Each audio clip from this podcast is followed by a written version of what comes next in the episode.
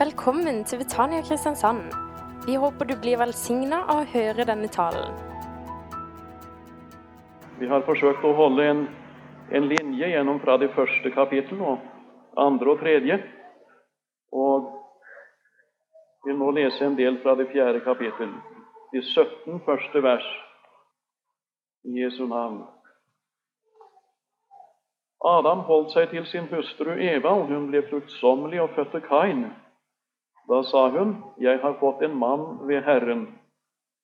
Siden fødte hun Abel, hans bror, og Abel ble fårehyrde, men Kain ble jorddyrker. Da noen tid var gått, hendte det at Kain bar frem for Herren et offer av jordens grøde. Og Abel bar også fram et offer som han tok av de førstefødte lam i sin jord, og deres fett. Og Herren så til Abel og hans offer, men til Kain og hans offer så han ikke. Da ble Kain meget vred, og han stirret ned på seg. Og Herren sa til Kain, Hvorfor er du vred, og hvorfor stirrer du ned for deg? Er det ikke så at dersom du har gått i sinne, da kan du løfte opp ditt ansikt? Men har du ikke gått i sinne, da ligger synden på lur ved døren, og dets attrå står til deg, men du skal være herre over den. Og Kain talte til Abel sin bror, og da de en gang var ute på marken, for Kain løs på Abel sin bror og slo ham i hjel. Da sa Herren til Kain, Hvor er Abel din bror? Han svarte, Jeg vet ikke. Skal jeg passe på min bror? Men han sa, Hva har du gjort? Hør, din brors blod roper til meg fra jorden. Og nå skal du være bannlyst fra den jord som lot opp sin munn og tok imot din brors blod av din hånd. Når du dyrker jorden, skal den ikke mer gi deg sin grøde. Omflakkende og hjemløs skal du være på jorden. Leser vi vers 16 og 17. Så gikk Kain bort fra Herrens åsyn og bosatte seg i landet Nåd østenfor Eden. Og Kain holdt seg til sin hustru, og hun ble fruktsommelig og fødte Hanok. Og han tok seg for å bygge en by, og kalte byen Hanok etter sin sønn. Vi så litt forrige møte på det tredje kapittel, som jo er det viktigste kapittel i Skriften, er det sagt. Og I dag er vi altså kommet til det fjerde og skal se ganske, forsøke å se kort på det. Men vi må jo ha det med oss, siden vi skal ha med oss denne linjen. Vi har bare ett møte til igjen i denne serien. Det var sikkert en veldig spennende tid da Kain skulle fødes. Husk på, det var aldri skjedd noe slikt før i slekten. Han var den første som skulle fødes inn i verden. Og vi skal ikke forundre oss over Eva da hun fikk gutten, at hun tenkte med seg selv dette er løftets oppfyllelse. Hun hadde jo i det tredje kapittel, vers 15, lyttet til guddomsordene som forkynte at kvinnens sæd skal knuse slangens hode. Det var et veldig løfte. Og etter alt det slangen hadde påført dem, så de nå var utenfor paradiset, så er det mulig hun kjente denne hevnlyst og glede ved å få løftet oppfylt. Nå skal slangens hode knuses. Hun tenkte vel noe slikt. Derfor ga hun ham navnet Kain, og det betyr ervervelse. Jeg har ervervet mannen. Men Eva tok feil, og hvordan hun ble undervist om det, men i hvert fall ble hun det. At hun hadde knyttet ervervelse til, feil, til en feil person. Så når hun fikk en gutt til, kaller hun ham Abel, og det betyr forfengelig. Jeg har også lest at det betyr forgjengelig. Men det går opp i opp. For alt det forgjengelige er forfengelig, og det forfengelige er forgjengelig. Så det går opp i opp. Men gjennom det er det som Eva allerede forteller oss, at det var forfengelighet å vente noe på den naturlige linje. Og dermed har Eva på et så tidlig tidspunkt rakt en vernende finger i, i været for oss og sagt Vokt deg for Kains vei. Vokt deg for Kains vei. Og vi skal ta den advarselen alvorlig. Vi leste om to slekter på forrige møte. Det var slangens ett og kvinnens ett, ikke mannens. For mannen var ikke med i det bildet. Løftet pekte fram på Kristus, og da var det ikke bruk for noen mann, men en kvinne. Altså slangens ett og kvinnens ett. Og Kain og Abel representerer hver sin ett, hver sin av disse. Det er jo interessant å granske eller studere, om du vil, urtidens historie, Kains historie som strekker seg fra Adam og til Noah. Det var et ganske enestående avsnitt i hele historien som var fullstendig lovløs, helt uten lov og påbud. Det har bare hendt i den ene perioden. Før den tid, nemlig i Eden, da var det påbud. Og efter syndfloden var det påbud og lover. Men akkurat fra Eden og til Noah var det ingen lover. Det er den eneste tid i den store frelsesplanen der mennesker har hatt prinsipiell frihet til å gjøre hva de ville. Det var ingen gudinnsatt regjering som sa 'du skal' og 'du skal ikke'.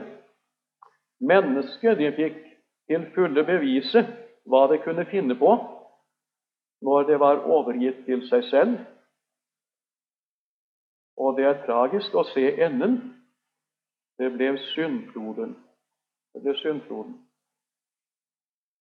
Når mennesket er overgitt til seg selv, til jeg elendige, da kan det finne på litt av hvert.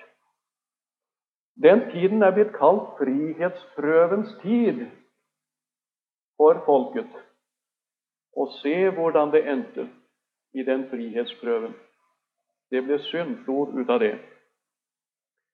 Kain var grunnleggeren og skaperen av kulturen før syndfloden. Og i hans ett ser vi utviklingen av dette å løsrive seg fra Gud. Han gjorde seg nemlig uavhengig av Gud. Det var hans største ulykke. Det er alltid menneskets største ulykke når de gjør seg uavhengig av Gud. Det er vel også Norges største ulykke. Det ser ut som vi holder på å gjøre oss uavhengige av Gud. Vi har sånn overflod av alt og har snart ikke bruk for Gud. Du som ber, glem ikke å be for Norge. Kain representerer ikke Guds fornektere. Kain var religiøs. Han bar jo fram offer, og det gjør ikke gudsfornekterne, men de religiøse gjør det. Men det offer han bar frem, ble ikke godtatt av Gud. Offerets innhold det forteller oss noe om mannens innstilling og hans sinnelag. Du ser, han representerer de som våget å komme fram for Gud eller for helligdommen uten blod. Det vil si uten å erkjenne at han som en synder fortjente døden. Offeret forteller at han var aldri kommet til troen. Han fant ikke plass for Kristus. Derfor kom han uten stedfortreder. Han kom i sitt eget og med det aller beste, men det han brakte, var frembåret eller fremkommet av hans eget strev, hans egen kraft. Når så 1. Johannes 3,12 forteller oss at Kain var av den onde Han var den første som fikk det vitnesbyrd, at han var av den onde. Og vi vet at offeret han brakte, var vokset opp av en jord som for Kains skyld eller for Adams skyld, var forbannet, så kunne det ikke være noe for Gud. Han kunne ikke anta seg det offeret. Kains vei, den er blodløs, den er korsløs. Og der hvor det ikke er noe kors, der mangler ikke bare stedfortrederen, men også det meget vesentlige.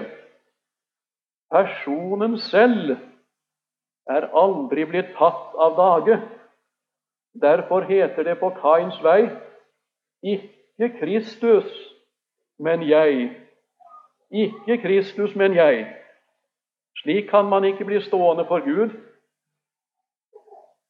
Han la for dagen, i det han forkastet stedfortrederen, at han hadde i grunnen en større tro på slangens ett.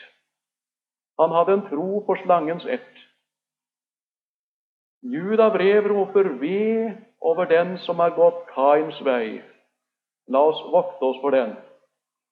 Vi kan si det slik at Kain kom i den første Adam,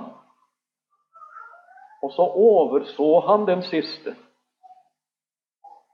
Mange i dag òg kommer i den første og er gode nok. Andre kommer i den første og beklager sin nød og sin usunnhet, og det er like galt. Det er like galt. De kommer på en vei som er blokkert. Gud gjorde seg ferdig med den første Adam, og så blokkerte han veien. Nå må man komme i den siste, som nemlig er Kristus. Det er ingen annen vei åpen enn om Kristus, gjennom Kristus. Derfor la oss vokte oss for å komme som Kain. Det er så mange vet du, som sier 'Jeg 'har ingenting i meg sjøl, Gud'. Nei, ti nå stille med det, for all del. Det betyr vel ingenting hva du har i deg sjøl. Det er Kristus som betyr noe. Det er Kristus. Og vi får lov å komme bare i Kristus. Vi ser noe mer i Kains offer. Vi ser en kjødelig, selvtilfreds gjerningsrettferdighet. Og det duger heller ikke. Her kommer også selvforløsningens prinsipp inn i bildet, og dermed trossen imot Gud. Vi leste i vers 16, og det er tragisk når det står slik Så gikk Kain bort fra Herrens ansikt. Nå hadde han fått vite at Gud ville holde sin beskyttende hånd om ham, og så behøvde han ikke å vite mer. Da gikk han bort og bygget en by. Hør, guddomsordet lød til ham. Du skal være omflakkende og hjemløs på jorden. Så går han i tross bort og bygger en by. Han er den første som bygger en by, et fast bosted. Det ligger vel muligens også i, i dette et uttrykk av at han ville få til et paradis, som jo var gått tapt. Men muligens det er det det ligger i det. Et paradis skal jeg ha, og jeg skal lage det selv. Og så ble det en by. Det har aldri blitt et paradis ut av det mennesket kan få til selv. Kommer aldri til å bli det heller. Han kalte opp byen efter sin sønn, leste vi, Hanok. Og hør nå på det Hanok. Det å ha nok i seg selv. Hanok skal bety omstilling, og det ble det sannelig her. Fra å være underdanig og avhengig av Gud ble det løsrivelse, uavhengighet og tross og opprør. Legg merke til enden. Skal vi ganske kort se på Abel. Vi leste jo om han også. Han var av en helt annen støpning, en helt annen karakter.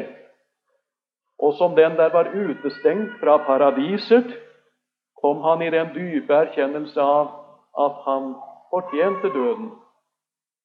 Hans offer var av en helt annen karakter enn Kains. Det han brakte, det tok han fra jorden. Nå så vi på det forrige møtet hvordan Gud opptok mennesket på en grunn. Han måtte ha en grunn å anta mennesket efter fallet. Det var ikke bare å tilgi. Han måtte holde sitt ord. Døden måtte inn i bildet. Det at han antok seg mennesket på grunn av en annens død, ens død som aldri hadde syndet, det var grunnen som han la. Ens død som aldri hadde syndet. Og nå finner vi Aben som en troende. Troens ytringer og følelser kommer tydelig frem gjennom Aben. Han hadde jo hørt forkynnelsen, og det føder troen. Adam og Eva hadde nok fortalt sine gutter om tildragelsen i haven, og hvordan Gud kom dem i møte. Og det var visst svært så spennende når de fortalte at Gud tok et dyr, altså en som aldri hadde syndet, og det måtte dø i vårt sted.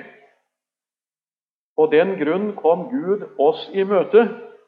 Så fødtes vel troen hos Abel, og han tenkte antagelig slik at når Gud kom oss i møte på den grunn, så kan jeg gå ham i møte på den samme grunn. Og så gjorde han det. Og så måtte blod flyte her. Du ser, han kom i ens død som aldri hadde syndet, ble antatt hos Gud. Men nå skal vi legge merke til noe ved Abels offer som betyr svært mye. Blodet sto ikke nevnt i forbindelse med Abels offer. Vi vet jo at det var der, måtte være der. Men det som står nevnt i forbindelse med Abels offer, det er fett. Det er fett. Han tok det førstefødte av jorden og deres fett. Og så vet du vel hva det betyr, og har vel lagt merke til det. Når du kommer til den tredje Mosebok, ofringenes bok, så ser du at Gud gjorde krav på alt fett. Det skulle høre Herren til. Alt fett i ethvert offer, det skulle brennes. Og det var ypperlig og velbehagelig for Gud. Og dette taler om Kristi ypperlighet, eller hans velbehagelighet. Og her er vi inne på noe stort og skjønt og fint. Vår antagelse hos Gud i ens død som aldri har syndet, den er klar nok, og den er veldig fin. Men du, vår antagelse hos Gud i en annens ypperlighet og velbehagelighet, den går enda lenger. Hvordan Gud hadde fått undervist Abel om denne høye tanke så tidlig, står det intet om, men han kom nå på denne måte. Du vet, det er velsignet som intet annet, det å få lov å komme i Kristi ypperlighet, i Hans velbehagelighet. Nå har jeg lagt merke til, og ikke for å være kritisk Jeg hører en del vitnesbyrd og bønner, og som sagt ikke for å være kritisk. Hvor langt når disse? Jo, sikkert til blodet. Man priser Gud for blodet, blodet som renser fra all synd. Ja visst må man gjøre det, men jeg har aldri hørt noen som har vitnet om og nevnt dette med fett, at de blir antatt i Kristi ypperlighet eller velbehagelighet. Aldri, aldri. Jeg talte en gang om fett ut fra Skriften, og så kom det et budskap i tunger og tydning og jeg tenkte nå For hva skal det komme for? Et budskap i tunger? Jo, det må komme for å understreke og slå fast det som er talt. Det er vel den oppgaven de har. Men tenk, her var det bare blod. Bare blod. Det ble ikke tale om fett. Jeg kjente jeg var litt sår, men så kom det for meg vedkommende som tydet har sikkert aldri hatt kjennskap til denne tanken. Og så ble det med det. Det at vi får lov å komme i Hans ypperlighet og velbehagelighet, det er det største som finnes. Da får vi lov å komme og verdsette Kristus. Han sier av og til 'Jeg har ingenting å komme med, Gud'. Jeg har ingenting å komme med. Tenk om vi ikke hadde. Men nå har vi. Vi får lov å komme med Kristus. Ikke bare i Kristus, men vi får komme med Kristus. Har du gjort det noen gang? Deri ligger den aller største velsignelse som menneskene kan oppleve når vi får lov å komme i og med Kristus. Jeg vet ikke om du kunne ta dette i formiddag. Det er ikke alle, kanskje. Gjør med det akkurat hva du vil. Jeg må forkynne det, og så står det opp til deg hva du vil gjøre med det. Men se nå på Kains vei. Det var fornuftens vei. Abels vei, det var troens og dårskapens vei. Da Kain så at dårskapen ble belønnet med at Gud vitnet og sa 'slik vil jeg ha det', så burde vel Kain vendt om og kommet Gud i møte på den samme plan som Abel. Han fikk anledning til det. Gud sa til ham, 'Synden ligger på lur ved døren. Dens attrå står til deg, men du skal herske over den. Så trosset han også dette guddomsord, og isteden slapp han avvindsjuken til. Og avvind har hatet i seg, og hat fører til brodermord. Og forteller 1. Johannes 5 og 15 at den som ikke elsker sin bror, ja, han går på Kains vei. Så du ser, Kains vei er ikke så fjern. Det er en meget farlig vei. Den er uten anstøt fordi den er uten dårskap. Det var ikke for intet Paulus skrev til de filosofelskende korintiere at man må bli en dåre for å bli vis. Det vil si for å komme fra Kains vei og over på Abels. Kains vei, det er uavhengighet. For hvert skritt vi tar uavhengig av Gud, går vi på Kains vei og er innen rekkevidde av dem Paulus begråter i Filippenserne 3,18 og sier de er fiender av Kristi kors. Av Kristi korsets fordringer. For korset fordrer hele meg og hele deg. Nå skal jeg slutte. Men se nå. Kains ett i det fjerde kapittel finner du nevnt bare i syv ledd. Bare i syv ledd. Da er vi framme ved Lamek, den syvende. Da hadde utviklingen nådd sitt absolutt høydepunkt av selvforherligelse. Der hvor det er barn, der er det gråt, der er det liv. Det hører med, det. Det gjelder bare å ikke la seg forstyrre av det. Hvorfor skulle vi forresten forstyrres av det? Altså, der var vi framme ved utviklingen som hadde nådd sitt høydepunkt av selvforherligelse. For på Kains vei, der finner du selvforherligelsen. Og Lamek, det var han som hadde to hustruer som het Ada og Silla. Og hør hvor påmodig han er når han taler og sier Hør Lameks ord, og merk min tale.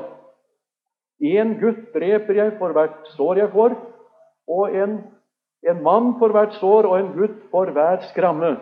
For hevnes Kain syv ganger, og hevnes Lamek 77 ganger. Toppen var nådd. Han danner avslutningen på Kains linje, og så har vi syndfloden. Da er det svært interessant å gå syv ledd fram på den utvalgte linje, altså Abels vei. Da er vi framme ved Enok, den syvende fra Adam. Og der har den linjen nådd sitt høydepunkt. Enok var den frommeste av de fromme. Altså høydepunkten av fromhet var der nådd. Så ser vi tydelig at den vei eller linje som Kain risset opp eller la opp grunnrisset til, den utvikles og nådde toppen i den syvende fra Adam. Og den vei og linje som Abel risset opp grunnrisset til, utviklet seg i hans ett og nådde høydepunktet i den syvende fra Adam, nemlig Enok. Og han er et bilde på menigheten som vandrer med Gud og er borte fra verden, som har sitt tyngdepunkt ikke under, men over hvelvingen. Det gjelder for oss at vi er fri fra Kains vei, og at vi blir funnet på Abels vei, der vi lærer å verdsette Kristus og oppskatte Ham for Gud. Nå er jeg fullt klar over at denne formiddagen egnet seg svært dårlig til denne teksten. Men den som har øre, han hører, og så får du forsøke å ta med deg litt. Her skulle det selvfølgelig vært mye, mye mer. Hvis noen er så interessert at de kommer igjen i kveld, jeg vet ikke, så kanskje du vil være så snill å lese det femte kapittel før du kommer. Gjør det hvis du kommer igjen.